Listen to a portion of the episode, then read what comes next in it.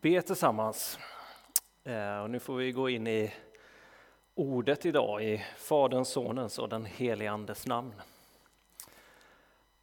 Härligt att se er. Jonathan Wolfbrand heter jag och är präst här i Konungskyrkan. Vad härligt att få samlas eh, i både bön och i eh, kaffelovsång. En ny grej som vi kanske ska fortsätta med. Eh, vad säger ni som har fikat nästa vecka? Ni får fundera på det några dagar och så, så återkopplar vi. Men idag är temat Herren är närvarande och vi har ju varit i en serie där vi har gått igenom eh, förbundsnamnen i Gamla Testamentet. Och det här är sista söndagen då när vi landar i Hesekiel, profet i Gamla Testamentet, som i hans sista kapitel och sista vers där han ger det här namnet till Gud. Till, inte till, bara till Gud utan till, till Guds stad. Han säger namnet på den staden är Herren är närvarande. Så vi ska läsa den texten till att börja med här nu. Det är då Hesekiel 48 för den som har Bibeln med sig. Och jag kommer läsa de sista verserna där från vers 29 till 35.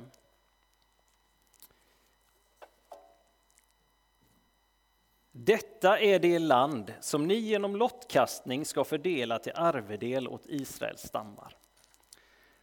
Detta ska vara deras stamlotter, säger Herren Gud. Följande utgångar ska staden ha. På norra sidan ska den mäta 4500 alnar och stadens portar uppkallade efter Israels stammar ska tre ligga i norr. Den första är Rubens port, den andra Juda port och den tredje Levi port.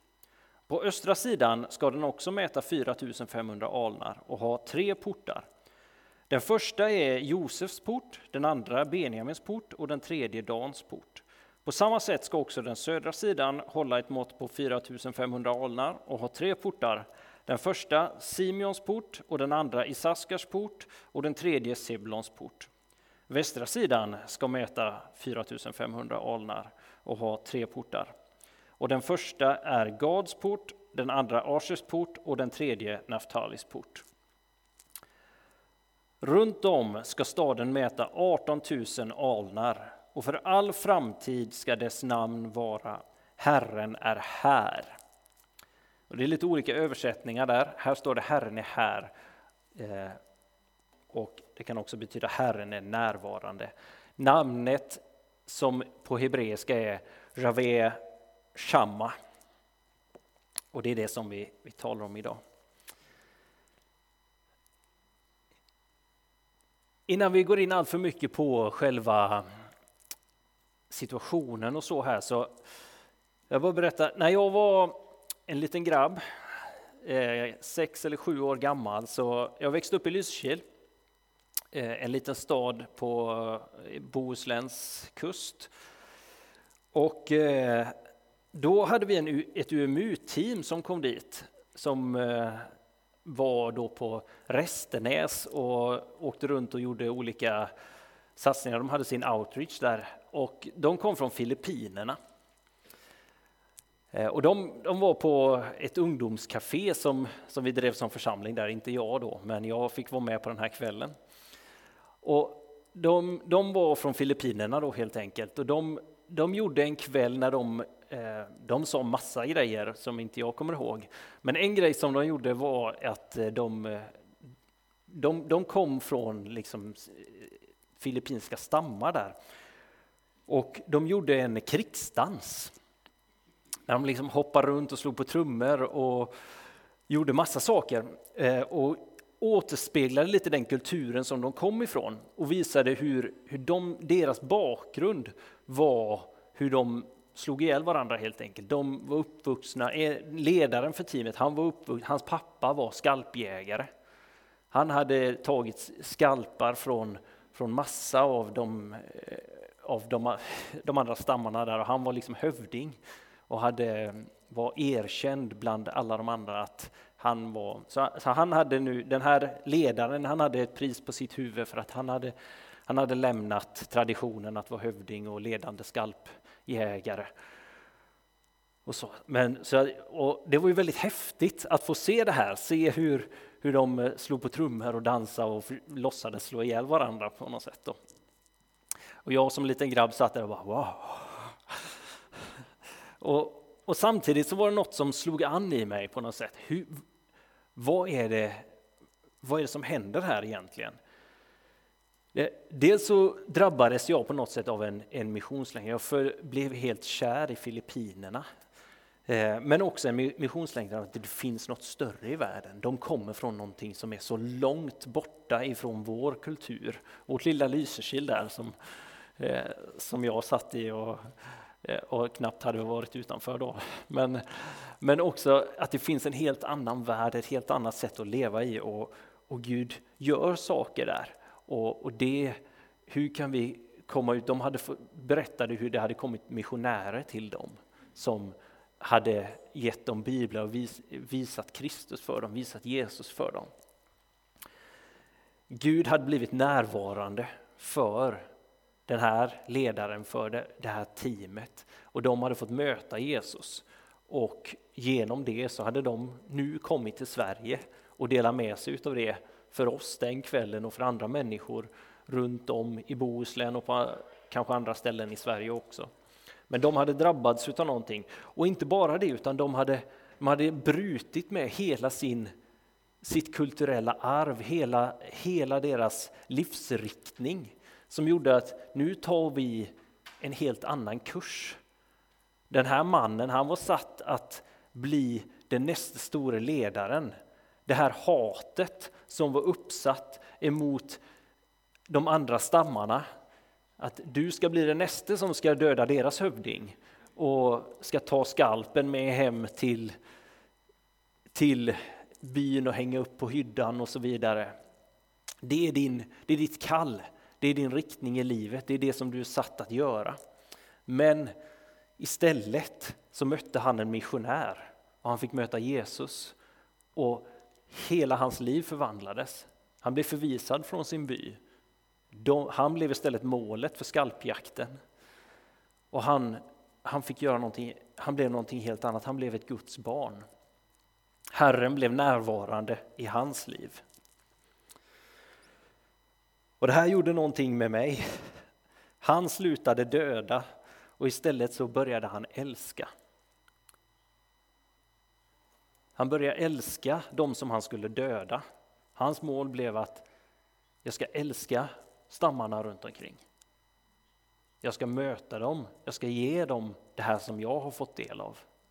Jag ska gå med Jesus till dem och jag ska gå längre än så, jag ska gå ut i världen. Jag ska ta med mig dem. För de här representerade olika stammar i Filippinerna, inte bara den här ön som de kom ifrån. Men, men vissa av dem kom från olika stammar på den här filippinska ön som hade levt i fejd under lång, lång, lång, lång, lång tid. Och det var ett sånt fantastiskt vittnesbörd att få, få möta där. Jag tänker att det är något för oss att få höra en sån här dag, en sån här vecka när vi, när vi står på något sätt under oket av krig i Europa, eh, hat mellan folk som på något sätt egentligen uttalar att vi är ett folk. Vi är vi är bröder, men nu är det krig istället. Och hur ska vi hantera det som Sverige? Ska vi, vara, vara, ska vi öppna våra hjärtan eller ska vi inte göra det? Vad gör evangeliet med oss? Hur, hur står vi i den här tiden på bästa sätt och hur gör jag med min inre brottning? Vad, vad, hur hanterar jag den här situationen? Jag får komma till Jesus, jag får inse att att han är, han är den som kan leda mig. Och jag får, får förstå att Herren är, Herren är närvarande. Och han, mitt arv, mitt svenska arv, det som, som jag har fått leva i och, och få vandra vidare i. Och det, det är inte nödvändigtvis ont, men det är inte det som är det primära för mig. För de här människorna så innebar det att ja, vi, jag behöver bryta upp med allt det för att för att säga ja till Jesus så, så kommer de slänga ut mig fullständigt. Det innebar inte att de sa att jag är inte jag är inte filippin längre, men jag är inte skalpjägare längre. Men, men de blev utslängda. Och för oss så, så står vi där och får säga att vår, vår primära tillhörighet är Jesus och hans budskap till världen. Hesekiel som vi närmar oss idag, Hesekiel som är profet i Gamla Testamentet som, som talar om den här staden med namnet Herren är här. Herren är närvarande. Han är som sagt profet, han är Herrens profet, han är präst. Präst av prästsläktet. Och det är faktiskt så att när i Gamla Testamentet så har Israel under lång tid levt i bortvändhet från Gud. De har vänt sig till andra gudar, levt i avfall ifrån honom, levt i uppror och det har lett till många profeter som har talat ut en dom mot Israel och sagt det här kommer gå illa för er. Och till slut så gör det det. De, det, det kommer stormakt från Babylon och, och besegrar dem. Och de tar bort en del av eh, om man säger, den eliten i Israel och tar bort dem till Babylon. Och Hesekiel är en del utav det. Det första bortförandet till Babylon. Så Hesekiel han, han lever som och kallas som profet i en annan kultur innan Jerusalem har fallit helt och hållet. Så det är hans kontext i första halvan av boken. Han lever i en, i en annan kultur, han profeterar i en annan kultur. Han, han lever fortfarande när, när eh, israeliterna har hoppet, när judarna har hoppet om att vi ska återvända, Jerusalem är starkt, vi, vi kommer komma tillbaka, Gud kommer aldrig överge sin stad. Och han profeterar, det här kommer gå illa för er. Gud kommer döma staden. Så, så det är hans kontext och sen i kapitel 33 så kommer budbäraren och säger nu har staden fallit. Och, då, och sen kommer resten av fångarna till fångenskapen. Och där har vi slutet av kontexten, för från den stunden när Jerusalem har fallit, då, då börjar han profetera hopp. Då börjar han tala om att Gud är trofast. Gud är den, han är den han säger att han är. Han, han kommer återupprätta sitt folk. Han kommer stå fast vid sina löften. Han kommer bygga upp sitt tempel. Hans närvaro kommer komma tillbaka. Och så, så landar vi i det här på slutet när, när staden kommer bli den här och Israels stammar kommer fördelas i landet och namnet på staden kommer vara Herren är här. Genom hela boken så är Herrens närvaro det yttersta centrala temat. Det är det som det handlar om. I början av Hesekiels bok så, talar, så ser Hesekiel synen av hur Herrens närvaro lämnar templet och går till, till Babylon i, bland, till fångarna. Han ser hur, hur den, den närvaron finns, och härligheten finns inte kvar i templet.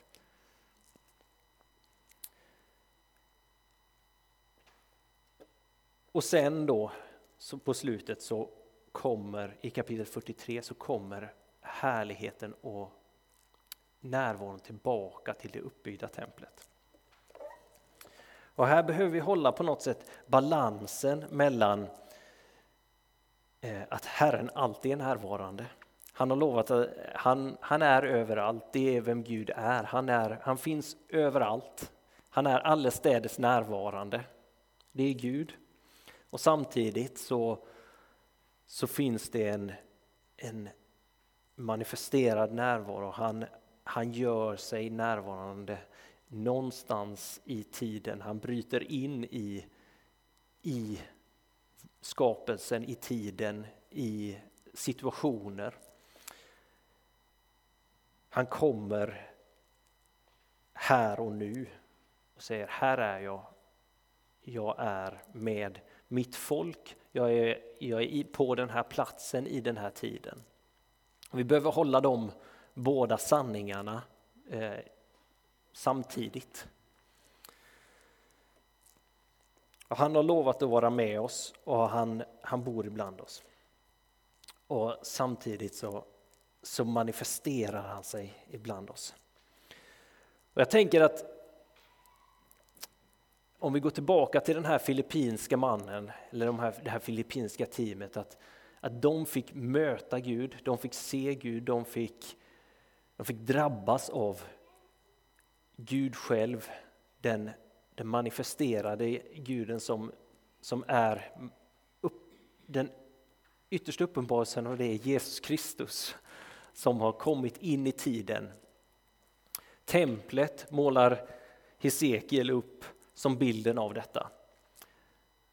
Och Jesus kommer in i tiden och är det nya templet. Han säger, jag är Gud med oss, Immanuel. Ordet blev kött och bodde bland oss. Jesus är det nya templet. Han, han är det som, som strömmen av levande vatten utgår ifrån. Och det, det talar Sekel också om hur, hur eh, tempelkällan flödar ut i världen och upprättar, eh, upprättar skapelsen.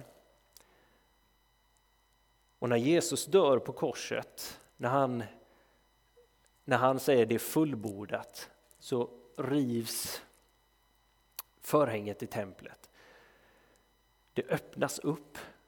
Gud kommer till sin skapelse med upprättande kraft. Och han... Någonstans där så, så, så får vi stå i den rörelsen av Guds upprättande, Guds närvarogörande av sig själv. Han, han som vill komma närvarande, om man får säga så, till han som vill komma nära, han som vill, han som vill vara här mitt ibland oss. Möta oss, möta dig, han som har tagit sin boning i dig och är hos dig. Han som har tagit sin boning ibland oss. Han vill, han vill också manifestera det och, och tydliggöra det och ta det framåt. Och som sagt så får vi hålla det här i, i, en spänning utan att överdriva det ena eller det andra utan att säga att vi måste, måste se detta eller, eller se detta för att, för att det ska vara en sanning. Men när vi, när vi lever livet med Gud så, så ökar han på något sätt förväntan i oss. Han ökar tron, han ökar eh, vad vi ja, förväntar och hoppas och tror på att vi ska se när vi lever med honom. Att vi ska se honom och hans rike manifesterat ibland oss. Att vi ska se hans rike gå fram när vi går fram med honom. Eh, och det handlar inte om oss, det handlar inte om att, att vi ska vara så perfekta eller bra utan det handlar om att han är så perfekt och han är så bra och han är så kraftfull. Att han har all makt i himlen och på jorden. Ja, precis. Eh, och där tänker jag att eh, det som Hesekiel säger här, att, att Herren är här, Herren är närvarande. Att när vi, när vi tar emot det namnet så, så gör det någonting ibland oss. Och det, det finns två saker i detta som, som jag vill lyfta fram. Och det ena är att när vi läser detta, den staden, så är det att alla samlas runt, runt det namnet, runt att Herren är närvarande. Stammarna, de, fördelningen sker runt omkring närvaron. Stammarna de är olika stammar, de, de eh, ja, är olika grupper. De kanske tänker lite olika, tycker lite olika, står för olika saker. Eh, olika generationer, olika hudfärger om man får tänka så lite utifrån våra Eh, våran kontext eller, eller olika saker så, men, men de, de har centrum i centrum. Och det är det som det handlar om. De är sända utifrån det, livskällan får gå ut därifrån. Och de står där runt omkring tillsammans och har fördelats runt det centrumet. Och det är det som skapar enhet. Det är att, att Herren är i centrum. Det är inte att vi ska ha samma åsikter om saker och ting, tycka samma saker. Det är att vi, vi vänder vår blick mot samma punkt. Att vi ser åt samma håll och vi står sida vid sida när vi gör det. Och vi ser att men du står, du står också här, ni står också här. Och vi är, vi är på väg mot samma, samma håll. Och det, det är det som får vara utgångspunkten. Att Herren, Herren är närvarande och det är det som det handlar om. Det är hans kraft som det handlar om. Det är hans, hans liv som det handlar om.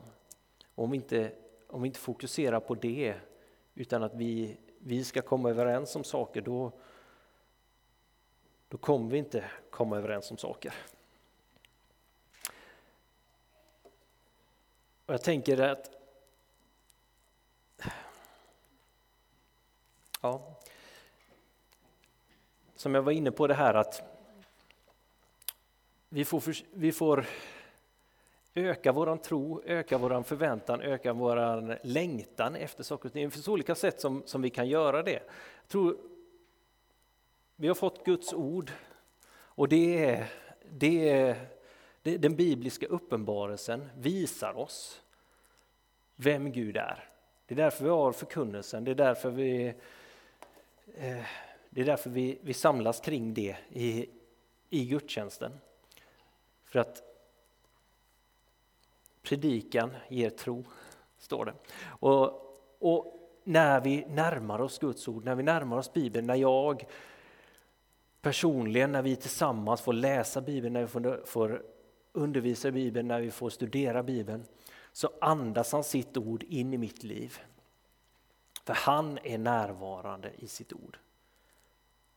Herren är närvarande, han talar till mig i sitt ord. Han uppenbarar vem han är, han uppenbarar vad han vill, vad han, vad han vill göra. Han formar mig, han talar.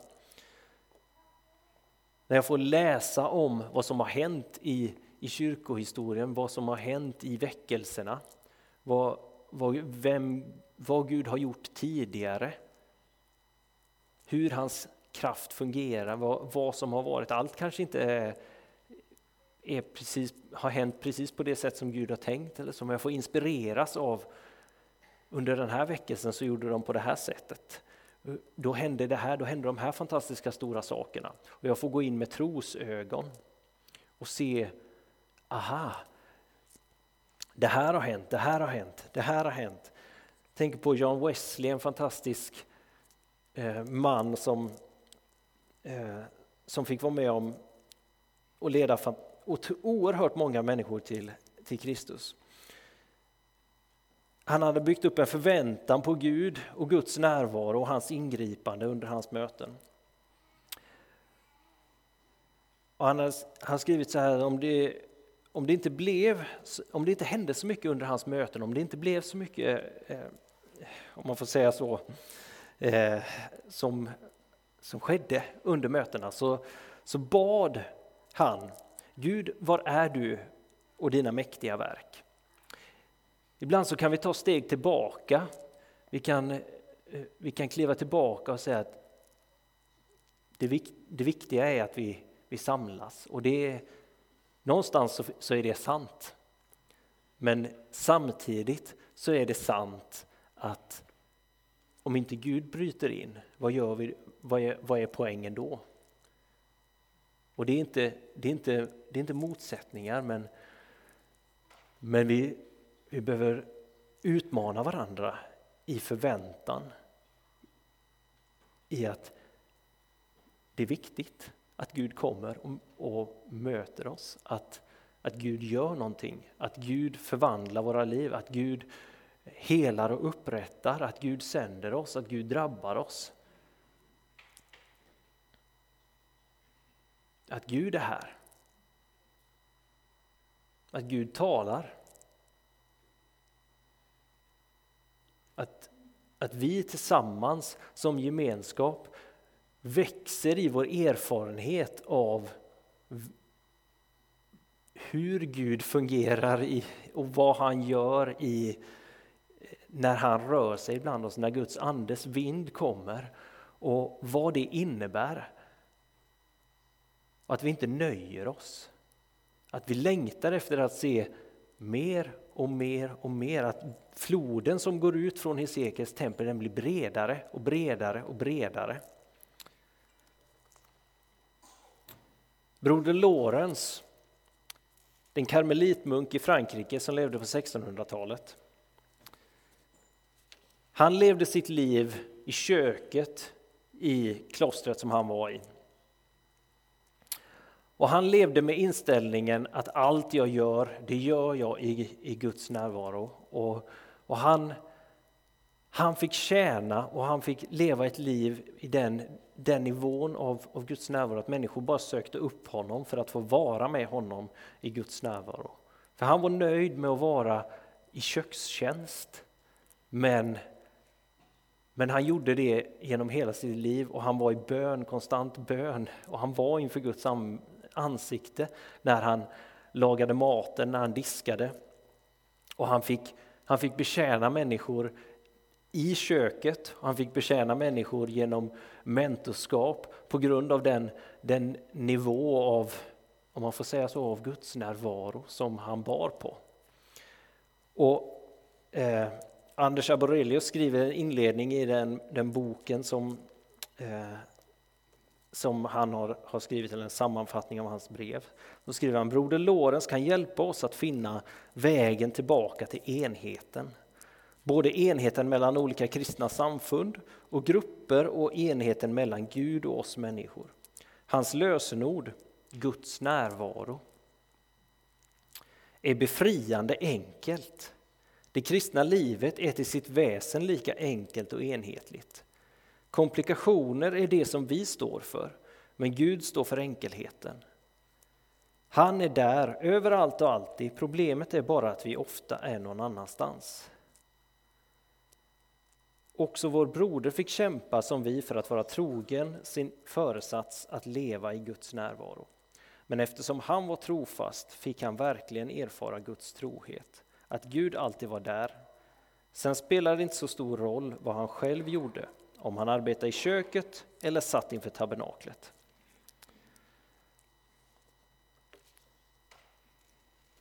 Och jag tror att Gud han, han vill på något sätt leda oss till detta att de, som jag sagt vid några tillfällen här, att de samlades runt Guds närvaro, de riktade in sig på det och i det så gick missionen ut.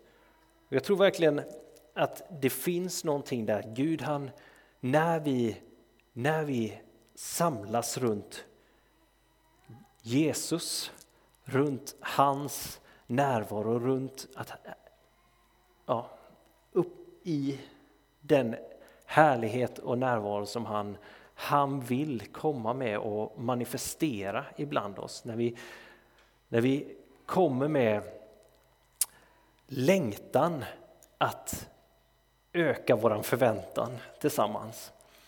Eh, och ber för varandra, ber för, för församlingen tillsammans, ber för Sverige tillsammans att, att det här ska, ska få fylla oss.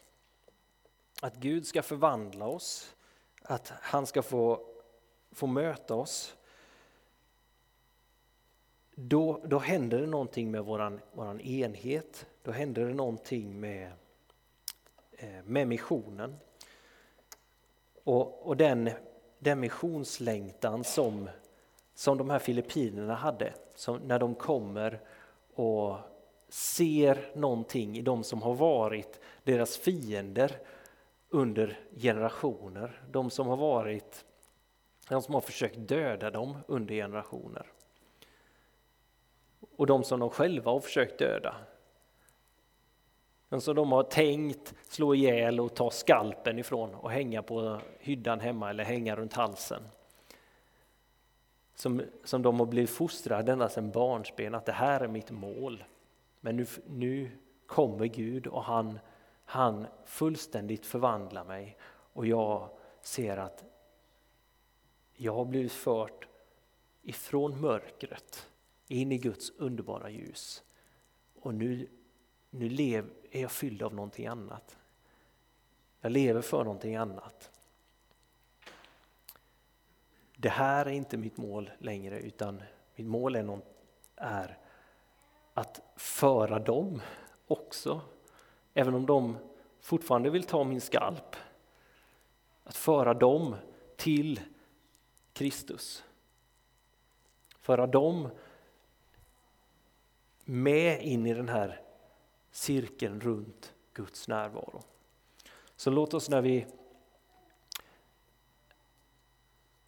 oavsett vem, vem det är vi möter, låt oss få be och välsigna dem.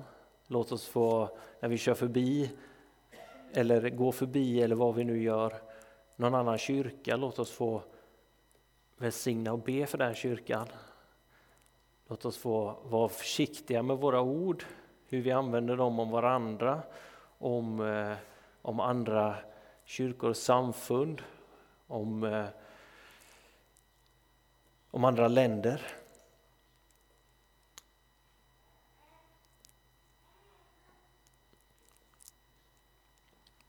Och låt oss vända oss mot Herren och, och vandra i den riktningen där vi kan få se Herre, fyll mig med längtan, fyll mig med, med förväntan, fyll mig med tro för vad du, vad du vill göra ibland oss Herre och i vårt land, i våran värld.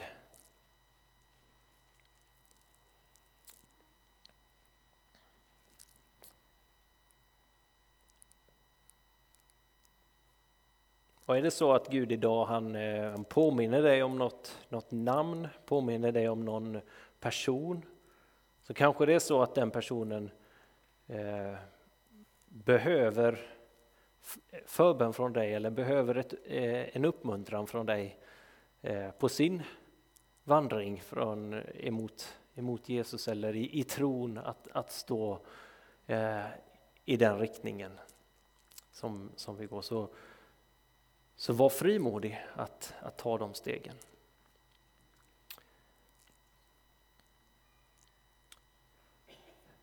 Herre, vi tackar dig för att du, du älskar att möta oss, Herre. Vi tackar dig för att du är, ja, du är missionens Gud. Du är, du är den som är närvarande. Och du vill, eh, du vill visa oss hur närvarande du kan bli, Herre. Du vill visa dig, du vill visa all din härlighet. Du vill förvandla och upprätta, du vill hela, du vill förvandla, du vill, eh, du vill visa att du är kung, Herre. Du vill bryta in idag, du vill bryta in i, i mitt liv, du vill bryta in i Dieters liv, i Helenas liv, ja, i allas våras liv, Herre. Jag tackar dig för det. Och jag välsignar det. Jag ber att vi får höra din röst just nu.